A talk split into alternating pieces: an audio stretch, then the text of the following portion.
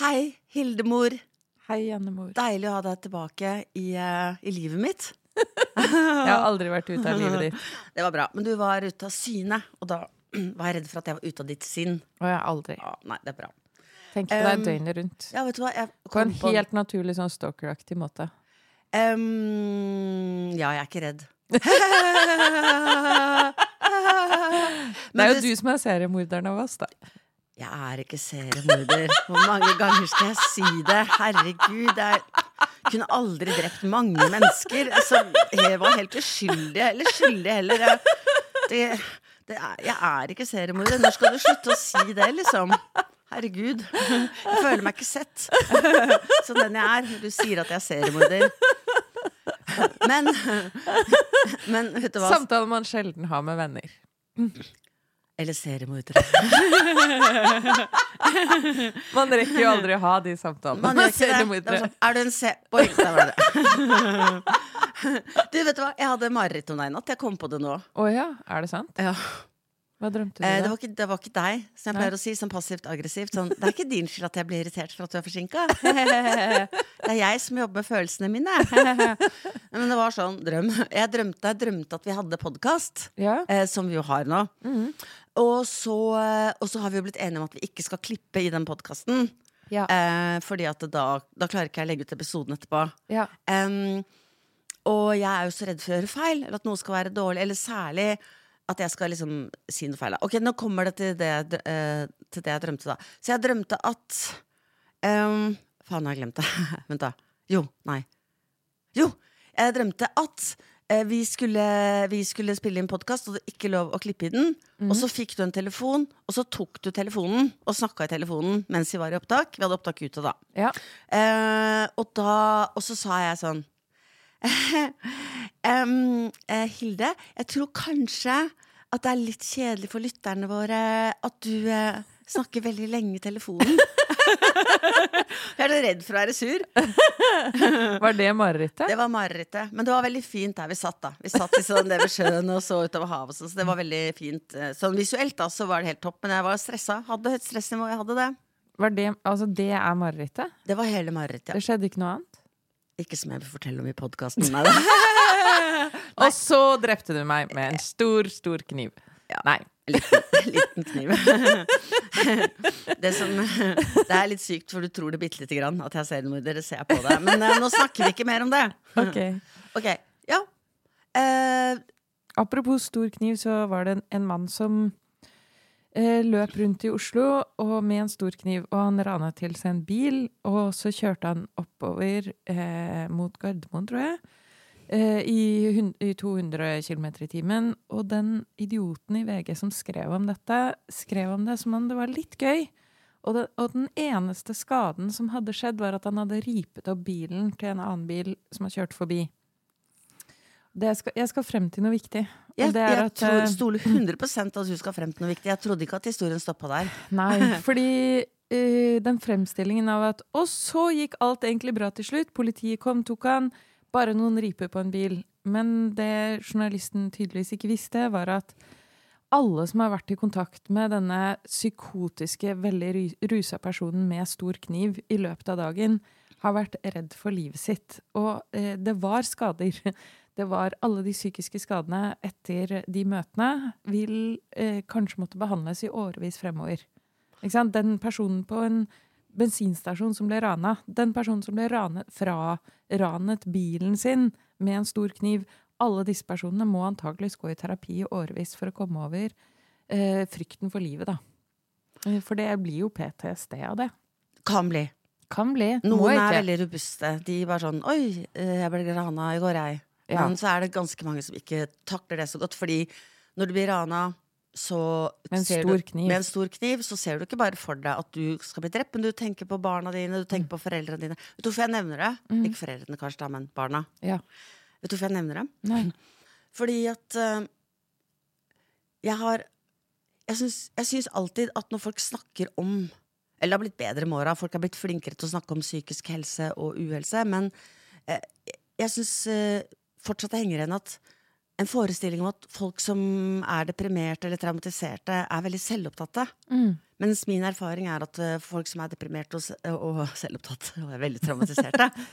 Ja. Nei, at jeg, Min erfaring er at uh, folk som er, uh, er deprimerte og traumatiserte, uh, ofte er veldig snille mennesker, som er det motsatte. De har veldig mye omsorg for folk rundt seg. Eh, ikke alltid, selvfølgelig, men jeg syns det er Hvis jeg skulle sagt at det er ett trekk som går igjen, så ville jeg sagt det. Omsorg for andre mennesker. Um, og jeg vet jo at folk eh, som skal dø, um, eksempel av kreft, tenker veldig mye på, de, på dem de skal etterlate. Så jeg er ikke lei seg for at de, uh, Hvis det er en mamma, da, så er hun ikke lei seg for at eh, hun ikke skal få se barna vokse opp, men hun er lei seg for at barna skal vokse opp uten henne. Fordi, øh, Hvorfor sier jeg det her? Altså, Egentlig så burde det jo være nok at én person eh, ble trua og, og måtte eh, Og trenger masse hjelp, og kanskje ikke får det. Men, men det er liksom også viktig å få fram at sånne ting som det får store ringvirkninger. da. Ja, det tenker jeg også. Jeg tenker at det som skjedde, jeg tror det var på lørdag kveld, eh, som ble beskrevet som en litt sånn artig, sånn eh, James Bond-aktig episode av denne VG-journalisten, det får kjempestore ringvirkninger og forandrer livet til veldig mange mennesker. Ikke bare de som var involvert, men alle rundt dem som må leve med at de er traumatisert, da. Hvis de altså blir det, som det er ganske stor sannsynlighet for, da. Hvis du plutselig en dag står overfor en mann med kniv som er uforutsigbar, eh, rusa og psykotisk. Ja. Det, men det er veldig mange som Da tenker sånn, Det gikk jo heldigvis bra, da. Som er sånn eh, Ok, du ble trua på livet, men det gikk jo heldigvis bra. Heldigvis kom du fra det uten en skramme Ja. eh, på utsiden. Ja, Eh, ja. Og sånne ting er det veldig ofte. Og, ja, og det samme med denne 13-årige jenta som var kidnappet i to døgn eller et eller annet, og så finner de henne. Å, heldigvis, hun var i live. Men hun hadde jo blitt da, ikke sant, voldtatt i dagevis. Ja. Så hun var jo ikke Dette var jo ikke en ferdig, lykkelig historie med en stor sløyfe på slutten. Denne jentas liv er forandret for alltid, og hun kommer ikke til å komme over det. Mest sannsynlig helt, helt sikkert ikke. Og jo, og mitt poeng er bare Vi liker så godt å, å liksom fortelle den der historien. Og så gikk det bra til slutt. Happy ending, sløyfe på. Ja. Kan jeg bare skyte inn en liten ting der? Ja. Fordi at da også var den, eh, altså da ble jo mammaen til den jenta i Danmark intervjua, og hun sa vi er overlykkelige over å ha funnet henne, nå skal vi hjem og se på film.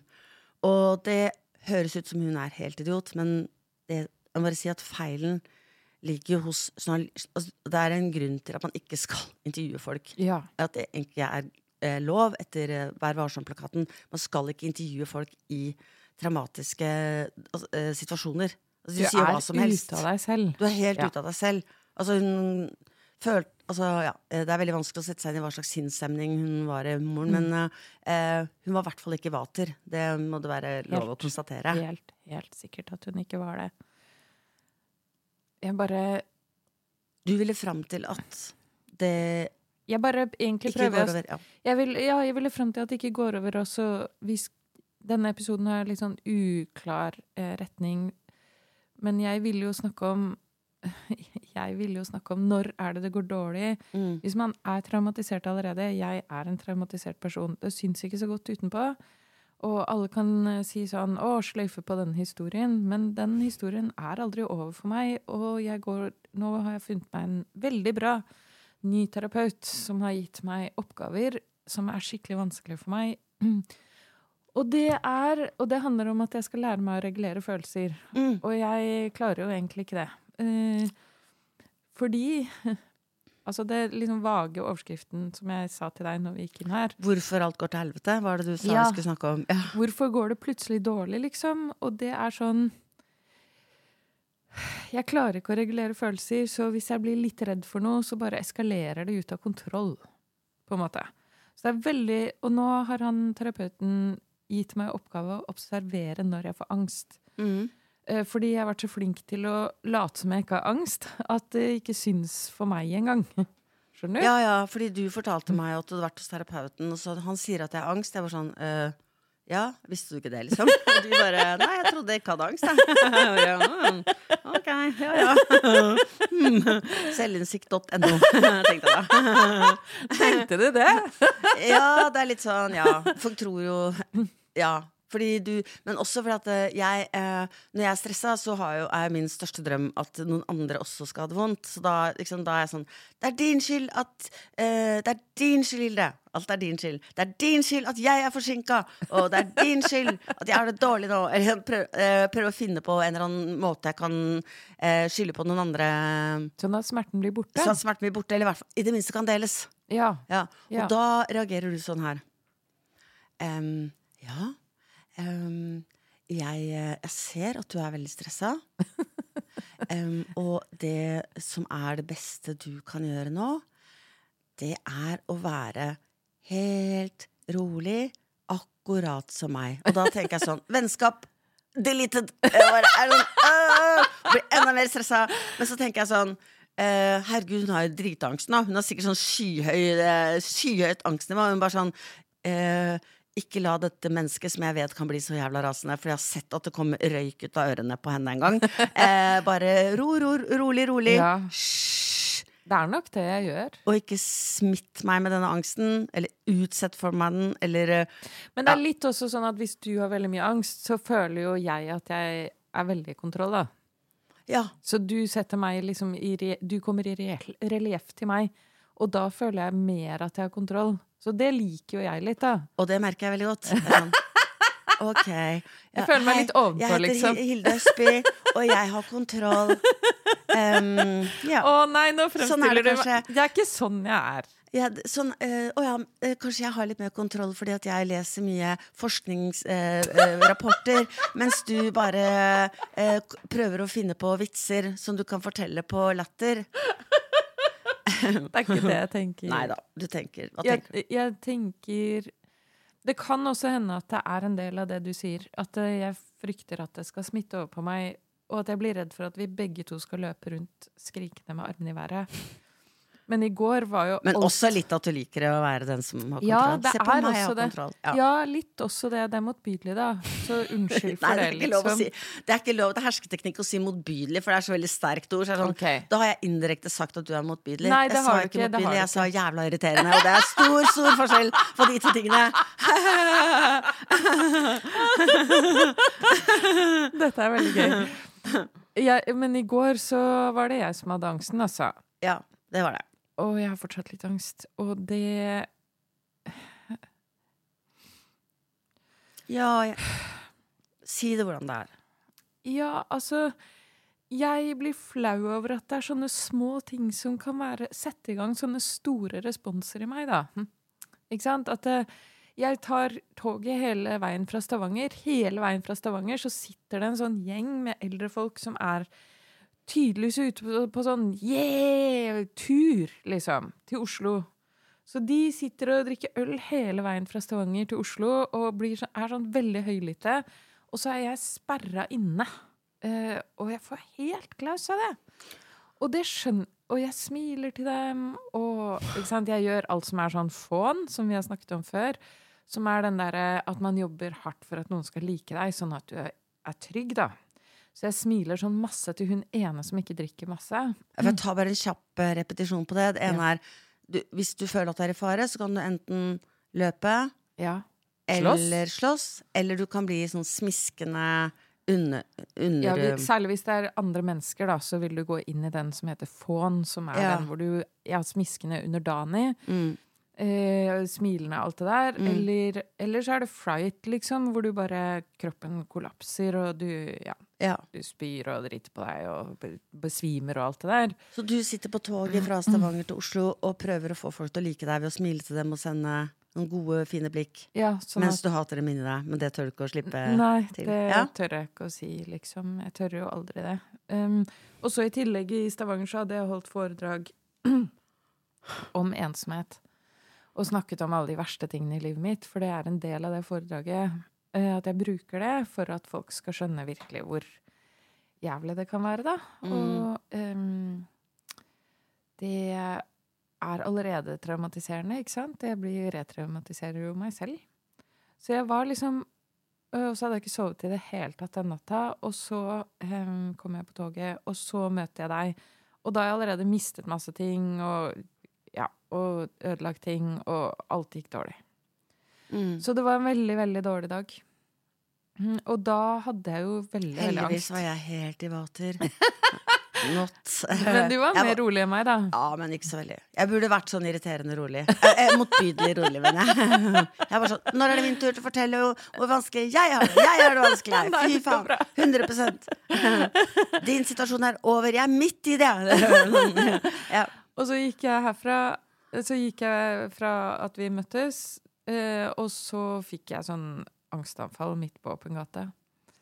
Og så skjedde det noe helt fantastisk. Men du må først fortelle hva et angstanfall er, i tilfelle vi har noen, som, noen stabile folk som hører på oss. Å ja, nei, Ja. det kan vi umulig ha. Tror du jeg har det? Da kan dere skrive inn, dere som er stabile, kan gjerne skrive inn, bare så vi får litt oversikt over hvor mange stabile mennesker det er der ute. Det kan jo hende at vi har folk eh, som hører på oss, eh, som har angstanfall, men ikke vet at det er angstanfall de har, da. Ja, det er sant. Så du kan jo bare fortelle sånn kort hva som skjer. Ja. Eh, nei, at eh, da plutselig er det akkurat som bare eh, Alt bare krasjer sammen eh, over meg. At jeg bare Jeg blir jo helt maktesløs. Og så får jeg lyst til å flykte. Eh, og så eh, begynner jeg å puste sånn Mm. tungt. Ja, for det som skjer er at kroppen tror den ser en tiger, ikke sant? Så Ja. du går i full krisemodus. Ja. Mister eh, Blir nummen i hender og føtter. Tørr i munnen. Ja. Hjertet dunker som besatt. Ja. Og du Sånn står du og har det midt på gata. ja. Og jeg føler jeg blir kvelt, på en måte. Mm. Og så Det puster ble jeg tørr sånn i munnen bare å tenke på hvor kjipt det er å ha det sånn. Jeg ble tørr i munnen selv, jeg, faktisk. Kanskje Ja. vi bør drikke litt mer vann. Ja, men vi kan ikke gjøre det her inne, Fordi her er det ikke lov å drikke. Inne på Deichman i lydstudio. Nei, det Nei, kan vi ikke Det gjøre. kan vi ikke gjøre. Da kommer vi til å få dårlig samvittighet. Vi er to veldig ordentlige damer Ja. som aldri har gjort noe feil. Selv om vi en gang mista en kjole her, og da stjal de den. Men nok om det! Nok om det! Nok om det. Ok, tilbake Men vi har ikke glemt det. Unnskyld at jeg sånn. tulla midt i angstanfallet. Nei, og så Det går bra. Og så, men det som var så fint, og som var helt magisk, det var at der sto jeg og pusta sånn tungt og begynte å gråte. Og når du begynner å gråte, så hjelper det egentlig litt på eh, Da virker det som angsten går litt over, det. For da begynner du å kunne uttrykke en følelse istedenfor å bare ville løpe fra alt. Så du faller litt inn i kroppen da, når du begynner med den gråtinga. Og da kom det en jente bort til meg, og så sa hun Det var så vondt å se deg gråte. Går det bra med deg? Er det noe jeg kan gjøre for deg? Så sa jeg det, går bra, det går bra. Eh, det gjør du, gjorde du jo helt tydelig ikke. Det går bra, jeg har et angstanfall, bare. Og så sa hun å, men det går bra, jeg har også angst. Eh, psykologen min har lært meg et triks. Du må holde Du må trekke Jeg kan dette trikset, da, men jeg glemte det jo Slapp av. Hilde. Ingen tror at ikke du kan dette trikset. Det Ingen mistenker viktig. deg for at det er noe du ikke kan. Det er veldig viktig å være flink til å håndtere angst. Ja, Fordi hvis man ikke er flink, så hvem er man da? ja. ja. Ingen. Ok, ja. Og så sa hun eh, da holder, Trekk inn pusten, hold pusten i tre pust, pust langsomt ut på fem pust. Sånn, liksom.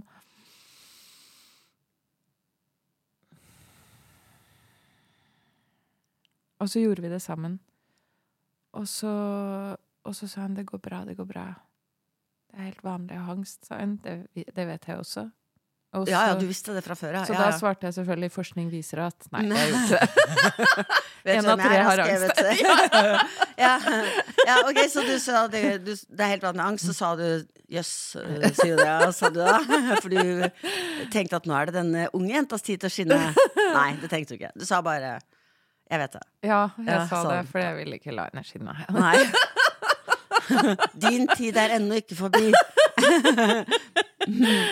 ja, ok. Min yes. tid som irriterende besserwisser er ikke slutt her, selv om jeg har angstanfall på åpen gate. Og så mm, eh, ga jeg henne en klem og spurte henne hva hun het, og så sa hun at hun het Selma. Så Selma, hvis du er en av de som hører på, så er jeg veldig takknemlig. Og tenk at folk gjør sånn. Tenk, Tenk at hun at unge jenta, sånn. hun var veldig ung. Eh, Jeg kunne vært mora hennes. Tenk at hun viste så mye omsorg for meg. Det var utrolig fint, altså. Utrolig fint. Utrolig fint. Det er min erfaring med folk, da, Janne. Det må jeg bare si. Vi snakker ofte om at folk er så kalde og sånn, men Jeg har opplevd så mange fine ting i denne byen her, i Oslo, her jeg bor, og du også bor. Jeg har opplevd så mange snille folk, ass. Det må jeg virkelig si. Som stopper på gata sånn og sier sånn 'Du mistet den'. Eller eh, en gang vi sto og så hadde angstanfall. Eller jeg var sånn på gråten, da, fordi jeg var så sliten, sulten, hadde ikke sovet. Barnet mitt sto og skrek fordi hun var sliten fra barnehagen. Jeg hadde to kjempetunge poser fra butikken. Så sto jeg bare sånn. Så hadde jeg gitt opp. Så sto jeg midt på åpen gate. Mm. Så kommer det en ung jente bort til meg. Skal jeg hjelpe deg å bære posene dine. Og så bar hun de posene, og det var liksom en halv kilometer å gå, liksom. Og hun bare gjorde det. Tenk at folk gjør sånt. Jeg tror folk har veldig veldig lyst til å være til nytte. Det, men eh, vi er jo litt sånn vi vil spørre folk om de trenger hjelp. Fordi hvis vi Mm. spør om det, så sier vi på en måte sånn Hei, jeg ser at du ikke har kontroll over livet ditt i det hele tatt. Ja. Eh, I motsetning til meg, som har vært, eh, er veldig tidlig ute og har tid til å følge folk med poser. Sant? Det er en sånn ja, Men eh, folk er snille. Og eh, altså, jeg er veldig glad i den filmen som heter Love Actually. Eh, Som jeg så- hater. Ja, fordi du mener at det er helt usannsynlig. Det er veldig urealistisk dokumentar, da. Det er veldig gøy når du sier sånn Jeg liker ikke Love, Love Actually. Det er helt usannsynlig at det er en singel mann som er eh, statsminister i England. Jeg var sånn Ja, det er poenget med denne filmen. Er, da var jeg så irriterende. Mm. Når man forteller en historie, kan man bruke overdrivelse som virkemiddel. Men det var veldig gøy. Men på slutten av den filmen så er det jo en sånn scene hvor masse folk møtes på flyplass. Og se på meg, nå får jeg gåsehud. Ja, det får jeg også gåsehud av. Det er det eneste bra med den filmen. Alt er bra med filmen, og så kommer slutten, som bare er helt fantastisk. Helt fantastisk. Og det er en ekte, ekte film. Ja, det er et dokumentar på slutten der, hvor de viser dokumentar. ekte bilder, liksom. Det er Av folk da, men de viser Som kaster seg i armene på hverandre Ja. på en flyplass. Og husker du hva de sier på slutten der? Nei. De sier eh, Folk sier ofte at det er så mye hat i verden, men det er så mye kjærlighet i verden. Og eh, under 9-11, så angrepet på eh, de to høye blokkene, Twin Tower i, Ja. i, på Manhattan, Ja. eh, så fløy det meldinger gjennom lufta, og alle sammen var sånn Har du det bra? Jeg elsker deg. Um, ja, jeg er glad i deg. Elsker deg, elsker deg. Elsker deg. Hils alle og si at jeg elsker dem. Det var ingen telefonsamtaler som handlet om hat. Kanskje jeg. Ikke Som var sånn Fy faen, den regningen kunne du faen meg ha betalt! Vet du hva? Hvis du ikke hadde oppført deg så jævlig til morgenen i dag, så hadde jeg kanskje ikke dratt så tidlig på jobben. Og nå sitter jeg her i øverste etasje, og du kan takke deg sjøl.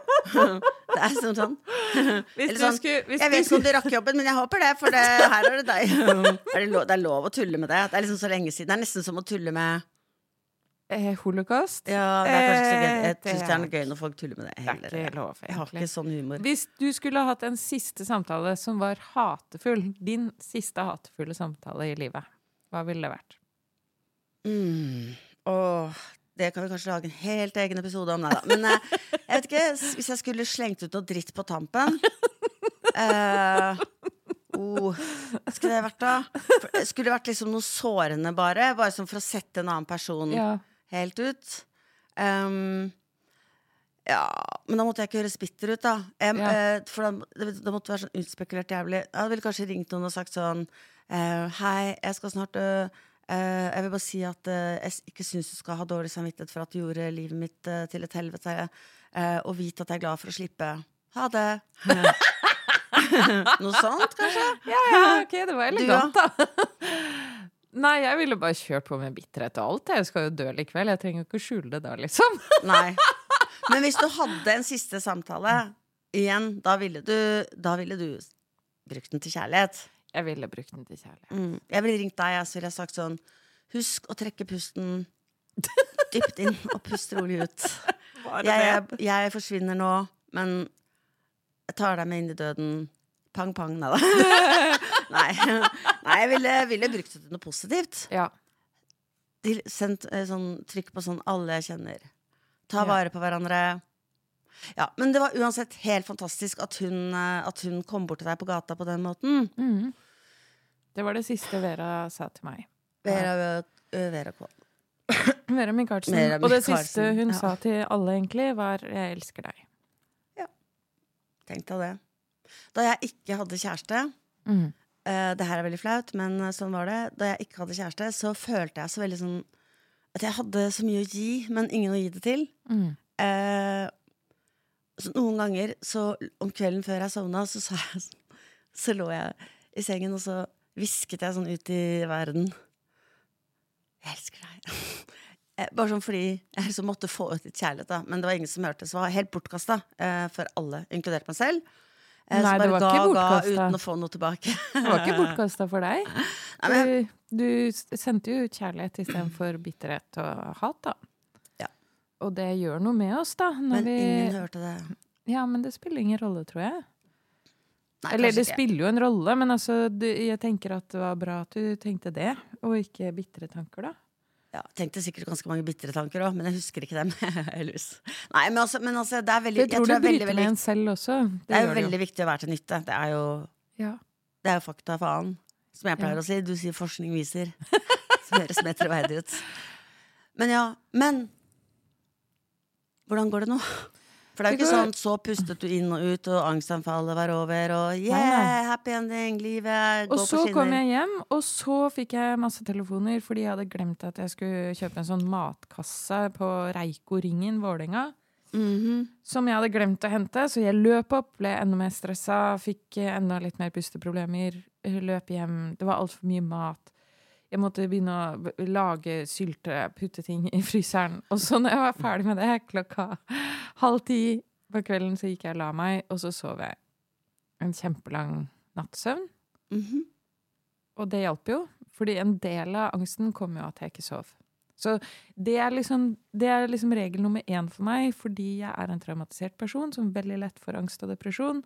Regel nummer én er jeg må sove. Mm. Og hvis jeg kommer ut av den soverytmen, så eh, får det ringvirkninger som er så store som dette, at det ender med at jeg står på åpen gate og har uh, skikkelig angstanfall med sånn pusting og sånn. Og det er derfor jeg er så opptatt av det med søvn, fordi eh, jeg har lest statistikk som viser at 85% av norske ungdommer sover for lite. Og jeg tenker at det henger direkte sammen med økningen i angst, depresjon og ensomhet blant unge. Fordi man kommer inn i ensomhet, angst og depresjon også fra den siden. Altså, eh, du må ikke ha opplevd noe traumatisk. Jeg har problemer med å sove fordi jeg er traumatisert. Så all søvn er liksom vanskelig for meg. Jeg våkner hele tiden av Jeg kan våkne av angst, liksom. Eh, ikke sant? Jeg Mm. våkner sånn. Mm. Mm. Av et mareritt. Sånn som Mm. det, det forferdelige marerittet du fortalte om. Ikke sant? Jeg har sånne forferdelige mareritt som det, og våkner sånn Ligger våken i timevis, hjertet raser av sted, og så Men det kan også være sånn at hvis du bare slutter å sove sammenhengende fordi du sjekker mobilen hele tiden, Mm. så, så dytter du deg selv inn i en depresjon. Angst og, og ensomheten kommer jo som en følge av angst og ensomhet. Nei, og depresjon. Mm. Depresjon og angst gjør at du trekker deg unna andre folk, og så får du ensomhet på toppen, som igjen gjør at du får mer angst og depresjon. Ikke sant? Det er sant. Eh, og derfor så er det jo også vanvittig å tenke på alle dem som ikke engang har muligheten til å sove. Enten fordi de er ungdommer og hele livet foregår på mobilen, og de må passe Ja. på hele tiden at ikke flokken drar fra dem. Ja. Sånn, er det noen som er ute nå? Er det noen som har sneket seg ut midt på natta for å Er det noen som skriver noe om meg? Ja, står det Eller ja, ikke sant? Kommer jeg ikke på noe mer sånn Ja, og Nei, men det er jo også alle forbigåelsene. Mm. Altså at du prøver å få kontakt gjennom sosiale medier, Ja. blir avvist hele Ja, tiden ja. bare ved at du blir usynliggjort. Absolutt. Og i tillegg alle de som ikke får sove fordi de jobber skift, eller fordi, fordi de eh, bor i et, eh, en blokk eller eh, leilighetskompleks hvor, eh, hvor det er folk som skriker og hyler i gangen, barn som ikke får sove. Altså det er, og derfor så tenker jeg jeg er bare mer og mer opptatt av klasse og urettferdighet eh, som oppstår av den. Altså all den Jeg vet at også folk som har eh, kommer fra velstående familier, kan ha det skikkelig fælt. Eh, og jeg sier ingenting om at eh, deres eh, smerte er noe dårligere enn andres. Men eh, Og det er mange som ikke får sove der også. Det er Mm. masse yling og skriking i en villa. Det er ikke det. Men Det kan jeg underskrive på. det kan du underskrive på. Det går Det an å ha det jævlig i en villa med svømmebasseng i hagen. Mm. Hildemor. Ja, Men- men til poenget. Ja, Ja. altså eh, Men barn som ikke får sove, og av den grunn eh, er veldig disponert for å bli ensomme og, og dermed få angst. Men jeg er også veldig opptatt av en annen ting, og det er at eh, det er ikke alle som kan sove av ulike grunner. Eh, fordi de ikke får det til, rett og slett. Mm. Eh, fordi de ikke har eh, begynt på sovepiller ennå, sånn som jeg gjør. Men altså, du kan Men det, det, da er det en annen ting som er veldig viktig å gjøre, som jeg holder på å lære meg nå. Ja. Eh, når jeg blir overveldet av følelser. Eller jeg øver meg egentlig på det når jeg ikke er overveldet av følelser. Og det er å prøve å være til stede i nuet. Og det, noen sa det til meg, hvis noen sagt det til meg for liksom, et halvt år siden, så hadde jeg eh, klikka og Hva faen mener du med at jeg skal være til stede i nuet? Men nå har jeg liksom prøvd litt på det, og, eh, og begynt å skjønne det. At hvis du prøver av og til, enten når du er ute og går, eller at du setter deg ned og tenker litt over hvor du er, hva du ser, hva du hører, og er, og er metabevisst. Jeg sitter her og observerer hvordan jeg har det nå. Mhm. Så kan man ta med seg den følelsen inn i den type angstanfall, da. Sånn, ok, jeg står her, eh, jeg har angst, jeg er tørr i munnen, eh, jeg Kroppen min tror begynte med I stad så prøvde du det på meg. Ja. Begynne med lyder. Begynn med lyder. Altså, hva hører du? Hva ser du? Hva tenker du? Og hvilke følelser har du? Mm. Og du står på gata og har angstanfall, og du vet, fordi du eh, har lest bøker, at kroppen din, hjernen din, tror at, den står, at det står flere tigre og jakter Mm. på deg. Fordi kroppen kjenner ikke forskjell på ulike angst, om det er fordi at man føler seg avvist, eller om det er fordi at man Nei, er, er en- truet. Det er jo en urrespons i kroppen. Så du er inne i reptilhjernen nå. Ja. Du er langt forbi eh, de høyere funksjonene i hjernen. Ja, dette, dette er ikke noe du kan Men du kan koble på eh, over-jeg, den- eller den menneskelige delen av hjernen din, intellektet ditt, og tenke Jeg står her, jeg er veldig redd. Er jeg egentlig i livsfare? Nei. Dette her er bare veldig ubehagelig. Og det eneste jeg kan gjøre nå, det er å trekke pusten dypt inn og puste ut. Og så bare ta inn verden, på en måte. At verden bare suser forbi deg og lever og finnes uten at den egentlig bryr seg om deg. Og det er litt deilig, det òg. At du bare er en del av en stor sånn vev av eh, ting og mennesker og hendelser hvor du ikke er så viktig, og hvor det ikke er noen tigre som følger med på deg i det hele tatt, faktisk. Og de eneste som ser at du ikke har det bra, det er jo de som ikke har det bra sjøl. Ja, ja. Eh, hvis, altså, hvis det kom noen som har bare levd et kjempeenkelt liv, så tenkte de sikkert sånn Hvis de tenkte på at du fantes i det hele tatt, så tenkte de kanskje sånn Oi, det virker som hun har løpt veldig eh, langt. rar Så rart, for hun har jo så fine klær på seg. Det er ikke redd for at de skal bli svette og ødelagte. Ja ja, folk har så mye penger at eh, Så ja ja, liksom. Men folk legger jo ikke merke til andre. Nei, jeg vet, og det er jo også litt deilig. Det er en, det er en Instagram-konto som jeg følger, og som virkelig gir meg mye. Det er jo ingen, egentlig, nesten. Men eh, ja, det er noen få. Men eh, den um, Hun dama her, hun heter Hun kaller seg The Holistic Du må snakke inn i mikrofonen. Hun kaller seg og The Holistic mobilen foran deg. Holistic. Psychologist. Mhm. Og hun heter egentlig Nicole Lepera. Hun har skrevet flere bøker. Hun er eh, ja, psykolog, er hun vel, og jobber med veldig mye inn i sånn traume. Hvordan, hvordan leve med traumer, hva, hva er et traume, hvordan arter det seg, hva er kompleks PTSD? Kompleks PTSD er jo noe som fortsatt ikke er en del av eh, diagnosemanualen, men eh, det er lagt inn ekstra ting i det som heter PTSD, som, gjør, som liksom skal eh, hente inn det som er kompleks PTSD. PTSD er jo noe du får etter én enkelt hendelse, mann med kniv, som tar bilen din. Eh, og som gjør at du får, mister nattesøvnen, du er i konstant fight or flight. Men, Og det er det som kan dukke opp igjen mange år senere. At du, hvis du, noen står og truer deg med kniv, og du, og du eh, på en måte eh, gåstegn kommer over det, så kan den, den følelsen kan bli reaktivert hvis du hører en lyd som var samtidig som med min, minner om. ja, Som det skjer med barn. Ikke sant? Det kommer opp mye senere i livet. Ja, veldig, Mm. veldig sterke minner som du Mm. ikke har noen kontroll på, egentlig. Hvor du plutselig blir veldig redd Fordi- igjen, da. Vi har ikke kontroll på hva vi tenker. Det må folk huske på. Ja, nei. Vi ikke Rasjonaliteten for- vinner ikke. Nei, den gjør ikke det. Da, da er vi forbi de høyere funksjonene i hjernen, så Mm. du er i en helt sånn eh, primitiv overlevelsesmodus. Men kompleks med PTSD er eh, det jeg har. Og det betyr at det, du har levd i en traumatiserende situasjon over mange, mange år. Og det gjør at eh, traume er en hel liksom, integrert del av alt du driver med, egentlig. At du ikke klarer å regulere følelser, at det ødelegger for søvnen din, du har angst, depresjon. Ehm, du er ikke i kontakt med egne behov. Du kan være veldig irritabel. Det har jeg vært, da. At jeg, jeg klarer ikke helt å Jeg er jo redd hele tiden, så det er så vanskelig å være til stede i øyeblikket, da. Men hun har også skrevet noe veldig fint som jeg ville dele nå, som handlet om akkurat det. Hun Én En ting er triggere, sier hun. Triggere er jo dette vi snakket om nå, at lyder og lukter kommer tilbake til deg med full kraft, og da er du i traume igjen. Og du kan ikke velge det bort. Det er ikke noe du kan velge rasjonelt. Men hun sier det er også noe annet som vi bør være oppmerksom på, og det er øyeblikket Hun kaller det glimmer på engelsk. Eh, og jeg syns glimmer er et kjempefint ord. Glimmer er eh, navnet på kråkesølv, egentlig. Oh, ja, ja. Eh, eller det, det jeg pleide å kalle det i Nordland, da, fordi jeg er halvt nordnorsk, som du sikkert merker. Mm. så jeg var alle somrene i barndommen var jeg i Nord-Norge, hvor faren min kommer fra. Jeg tenker ikke så ofte på det, men det er, det er, liksom, er litt uvanlig at en dame er så veldig opptatt av at vi skal dra på fisketur hele tiden. Så sånn sett, nei, da. nei. Men du har, halvt, du har nordnorsk blod eh, som flyter gjennom dine årer. Ja. ja. Så jeg er jo Ja. Det kan jo av og til komme ut som sånn tics, sånn hestkuk!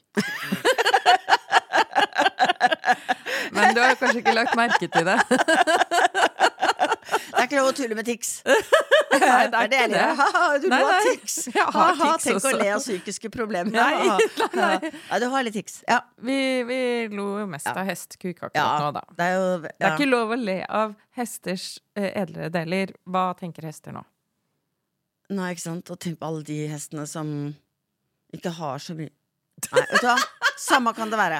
Ja, ja ja okay, la oss ja. gå videre. Um, Men du, du sa at glimmer. Glimmer. Glimmer. Uh, som kråkesølv. Altså at det er sånne øyeblikk, da, sånne glimt av noe vakkert uh, som bare plutselig oppstår. Og at vi må være flinkere til å skjønne at Å ja. Og det er litt den derre Den øvelsen du prøvde å lære meg. Hør etter nå. Eh, liksom Se rundt deg, ta inn landskapet, bare få Ta inn dette øyeblikket, pust rolig nå. Sånn er livet akkurat nå. Plutselig kan det overvelde deg hvor vakkert det er. Hvor uh, ubetydelig du egentlig er på en god måte, da. På den gode måten. Mm. Ubetydelig. Det skjer jo av og til av seg selv. Du prøvde å lage, lage det øyeblikket, men det skjer av og til av seg selv. Hvor liksom alt bare åh, så falt det liksom på plass. Så Ja. står du ved havet, og så bare åh, neimen herregud, så vakkert det er. Tenk at det havet fins. ja, takk for at havet fins. Eh, og så ser du opp, og så er det plutselig en kjempefin sky. Ja. Jeg kunne gjøre mer da jeg var liten. Se hva Ja. skyene lignet på.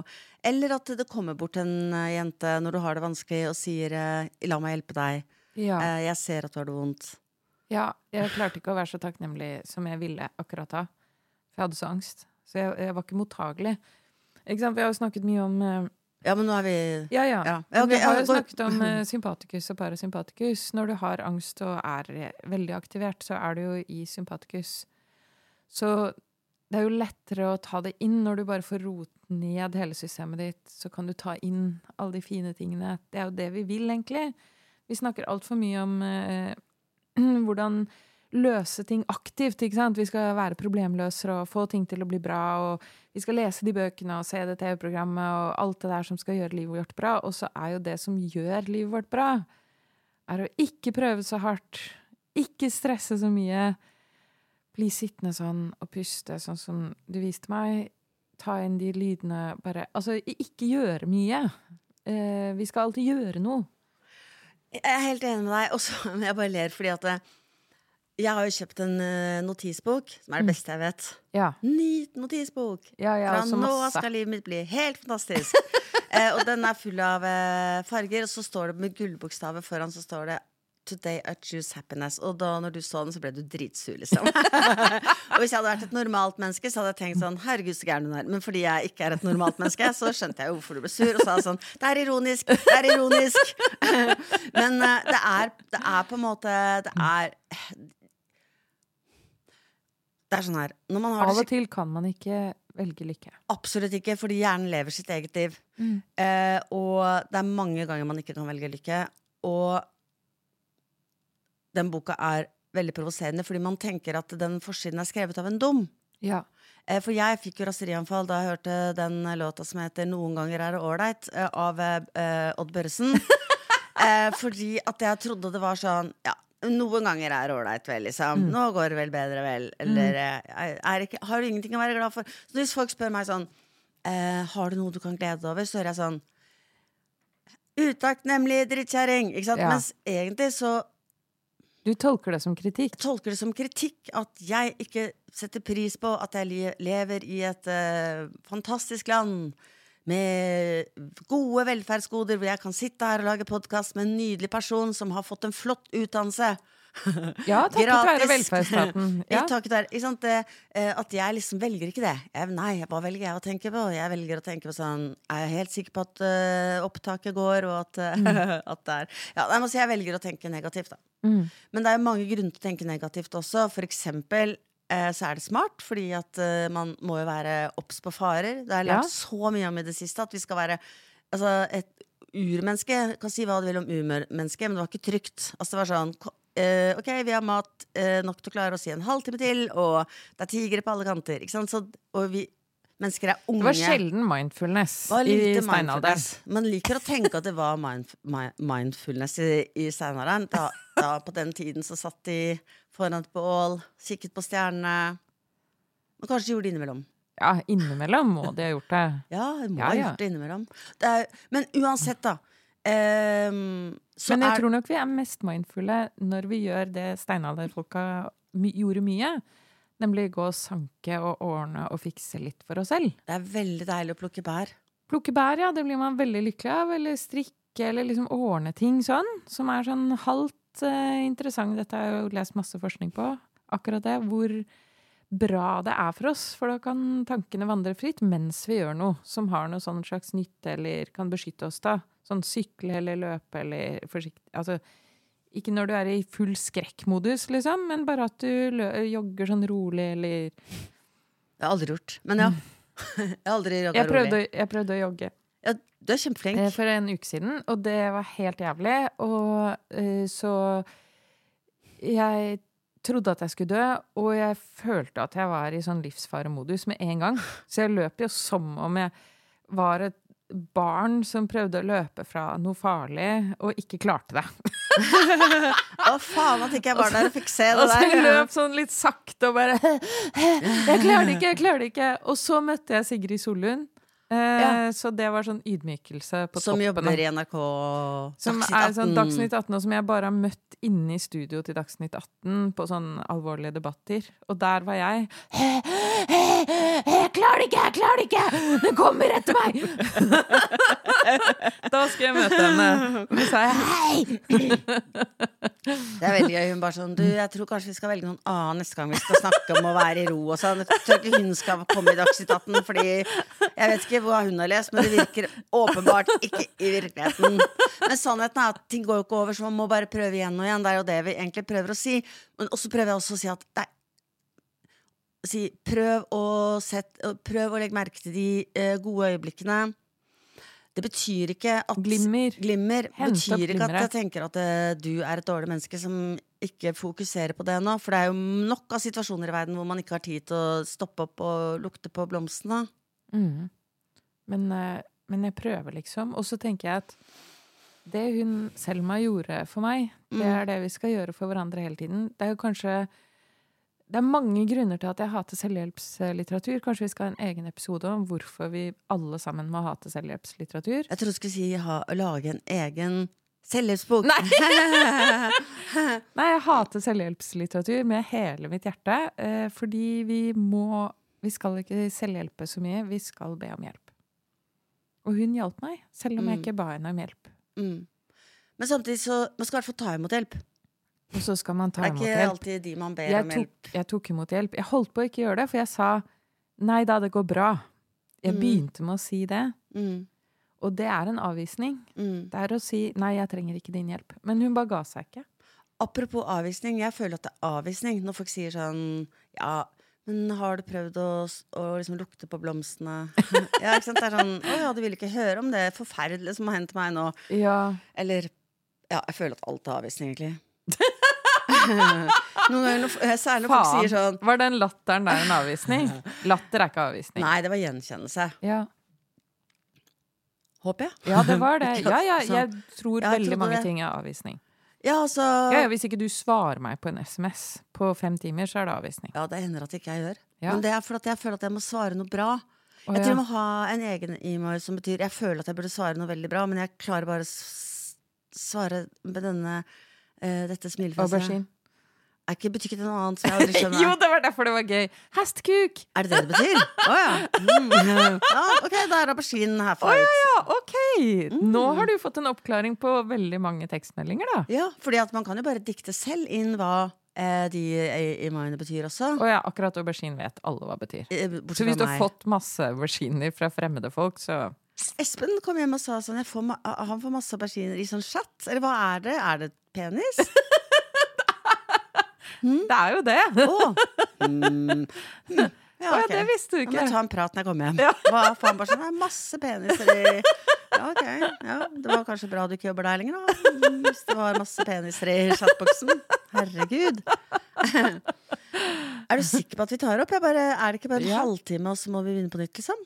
Ehm, dette blir veldig teknisk, men minnekortet tar bare en halv time av gangen. Så den la lager to biter nå som du må skjøte sammen. Så du har trykka på en eller annen sånn knapp? Da, Nei, jeg må ikke trykke på Åh! nytt. Det bare legger seg sånn. Okay. ja, nei, Dette er ikke sikkert spennende for litt Hei, lytter. Nå skal vi gå gjennom eh, eh, lagringsfunksjonen på Vi kan legge sånn greie i, eh, i episodebeskrivelsen. At vi kan skrive at eh, hvis du må tisse midt i episoden, anbefaler vi at du, gjør dette eh, etter 23-43. Nei, 43 46 minutter, så kan du ta deg litt tiss.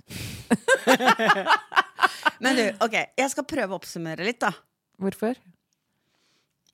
Fordi hjernen liker retning, har jeg også lært nå. Men, oh, ja, Og struktur. Ok, da Um, får du være struktur og retning. ja, og så skal jeg øve meg på å være åpen, så jeg skal Hva være det etterpå, da. Ja. For jeg er veldig lukket, som dere okay. Men eh, for å oppsummere. ja. Vi heter Prosjekt Menneske, og vi kom jo opp med denne tittelen fordi at vi eh, ikke stoler på selvhetsbøker. Vi tror du kan ikke bli ferdig. Det er ikke sånn 'Å, nå fikk jeg Nå har jeg rydda'. Yeah. Det er sure sokker overalt. Herfra og ut. Herfra ut. Eh, og alle som stiller opp i, i intervjuer så står, eh, Jeg husker i hvert fall før så het alle Alle eh, portrettintervjuer het 'Møtte veggen'.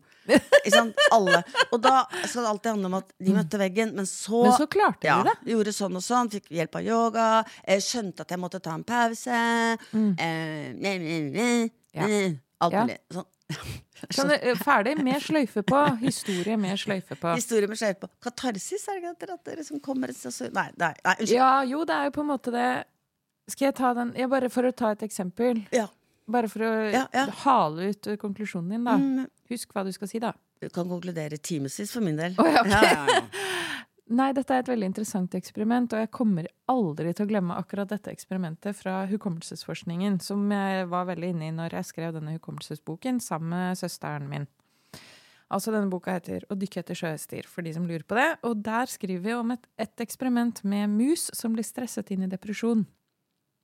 Eh, For depresjon er jo en reaksjon på langvarig stress. Ja, ja, absolutt. Så du kan stresse en mus til å bli veldig, veldig deprimert. Og så delte de de deprimerte musene inn i to grupper. Den ene gruppa skulle få gjenoppleve lykkelige minner.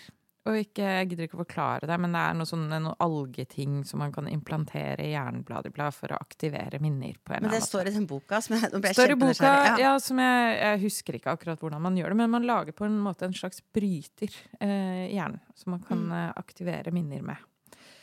På mus, altså, ikke på mennesker.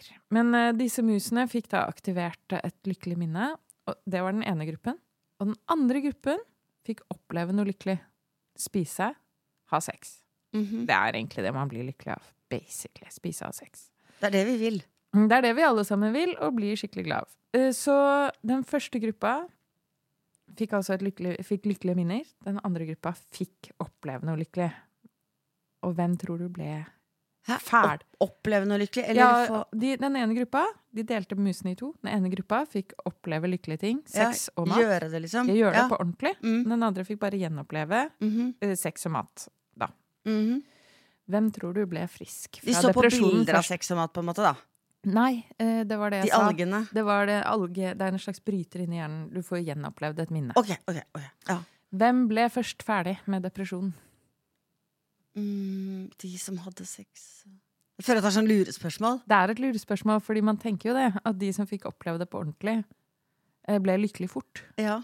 Mens de som bare opplever et minne, de eh, ble, lykkelig, de ble ferdig med depresjonen seinere. Mhm. Men det er motsatt. Så de som opplever det lykkelige minnet, ble ferdig med depresjonen før.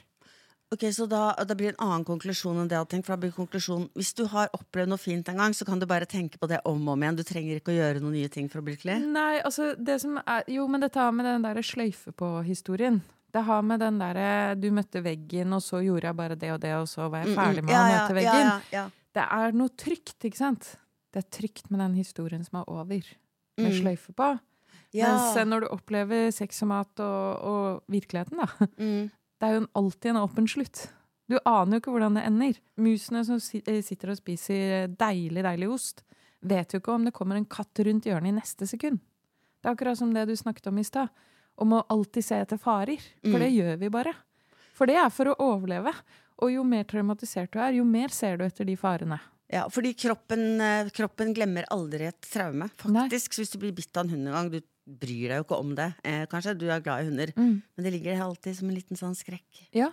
Men uh, Ja. Så det var det jeg ville bare føye til med det der med møte veggen, den lykkelige historien til slutt. Du klarte det. Nå har jeg lært uh, å ta flere pauser. Det høres så trygt ut. Vi blir så glad av å høre de historiene. Vi Ja. liker det så godt. Det er ingen som vil høre denne historien jeg forteller nå, om at du har et traume, og det går aldri over. Aldri, aldri over. Eh, Du må bare lære deg å, å fungere på best mulig måte, på så mange måter som mulig, da. Ja. Og finne så mye glimmer som mulig innimellom. og, gjør- og en rekke andre ting man kan gjøre for å få det bedre, selv om man har det ganske fælt. Også midt i det skal man prøve å gjøre noen gode ting eh, for seg selv. Da. Sånn gå en liten tur, få litt frisk luft, Mm. lese noe hvis man orker det.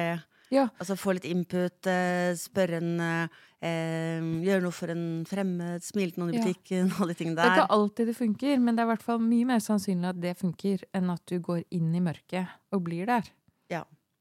Eh, men altså Ja, for det var Var det ikke det jeg skulle konkludere med, egentlig? At du, oh, ja. det går, nei, jeg husker ikke ennå. Men det oh, ja, okay. ok. altså, vi har det Jeg sa at du skulle huske på det. Ja, men jeg har glemt det. Vet jeg, jeg, altså, nei, altså, jeg tror bare at du tok opp at du eh, Hvorfor er alt så vanskelig? Liksom, eller hvorfor går det så går det dårlig? Når går det dårlig? Poenget mitt er i hvert fall at det er en grunn til at det går dårlig. Eh, og det er ikke sånn at alle historier har en god slutt, faktisk. For å være helt ærlig. Går skikkelig dårlig. Alle dør. Nei, men altså, li, men li, Spoiler alert! You're all gonna die! ha det!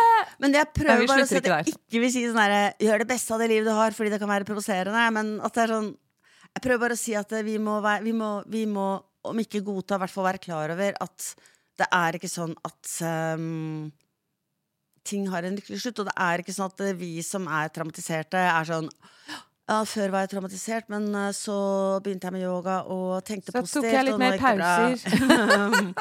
ikke sant? Nei, la meg tidligere ja, Jeg fikk orden på søvnrytmen, og nå går det bra. Det er alltid sånn de er, de historiene. Møtte veggen. Ja, da måtte jeg plutselig begynne å ta ting på alvor. Og det hadde vært skrytete òg. Det er aldri sånn Jeg møtte veggen fordi eh, jeg hadde gjort noe kjempeslemt som jeg tenkte på hele tiden. Det er alltid sånn Jeg møtte veggen fordi jeg jobbet for mye. Og syntes det var veldig vanskelig å takke nei til tilbud som kom, fordi alle sammen var veldig bra. Men da jeg var i Hongkong Nå snakker jeg om vårt liv da her i kultureliten i Oslo. Ja. da jeg var i Hongkong og signerte bok Eller var det Hongkong? Eller var, da, jeg ikke, da, jeg, da jeg sto og, og, og signerte boka mi i Hongkong og ikke var sikker på om jeg var der eller i New York, da kjente jeg sånn da fikk jeg litt angst og tenkte sånn nå, må, nå, Når ikke du vet om det er i Hongkong eller New York en gang, for når du skal signere bøker Å, hvilken bok var det igjen? Da, da skjønte jeg at nå må jeg gjøre noe, og da begynte jeg å sove. Men det vi skal huske på når du forteller en sånn historie, forteller du også en historie om å være arbeidsnarkoman. Og hvem er det som blir arbeidsnarkomane? Det er jo folk som eh, ser på seg selv som mindre verdifulle enn eh, Altså, de tenker at deres verdi avhenger av hvor flinke de er. Og det er noe jeg kjenner godt igjen, da. Men jeg, også, men jeg tenker heller ikke at jeg har noen verdi, og jeg eh, er ikke arbeidsnarkoman, for å si det sånn. Vi velger alle vår dop, da, for å si det sånn. Du finner ditt, liksom. Ja. Et eller annet for å kompensere for dårlig selvbilde, da. Ja. Mm. Du skriver bøker, jeg går på apoteket. Altså, der har vi Hver vår løsning. ja. Nei, men altså eh, fikk, fikk vi konkludert? Altså, det er ikke Det er, det er en åpen slutt. Jeg vil at det skal være åpen slutt, jeg, da. Det jeg vil, da, det er at jeg vil at folk ikke skal ha dårlig samvittighet for at de har det dårlig, og at, de ikke, og at folk som ikke har det dårlig, kan bare skjønne at det, det er ikke bare å ta seg sammen, for det kan ikke folk noe med. Fordi vi har ikke så mye kontroll over oss selv. Og så tenker jeg det folk kan ta med seg etter denne episoden, er vær litt mer som Selma. Ja.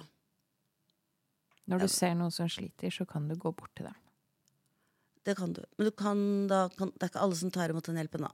Nei, men Bare bare. Ja, men det var helt sikkert Selma klar på. Jeg er helt sikker på at hun skjønte det. Ja. At hun kunne gå bort til deg. Og at hun visste at hun tålte det hvis jeg avviste henne. Vær litt mer som Selma, og hvis du ikke møter noen Selma, fordi det er veldig få Selmaer mm. Det er på vei til å bli flere. Ja. Men uh, så må du uh, Må du prøve å være god mot deg selv. ja. Fordi du fortjener det. Ja. Det gjør du. Ingen er tjent med at du sier masse negative ting til deg selv, ikke tar vare på deg selv. Mm. Det går dårlig for alle. Men Hilde, helt til Ja. slutt. Selv om det går dårlig, Ja. så går det også bra. Det går også bra. Det går også bra, og det er mange fine øyeblikk. Og vi har blitt denne, for eksempel. Det er jo fantastisk. Det er fantastisk. Det er et glimmer Det er et glimmer. i en mørk verden. Ja. Ha det, da. Takk for at du hørte på oss. Takk for at du hørte på. Ha det. Ha det. Ha det.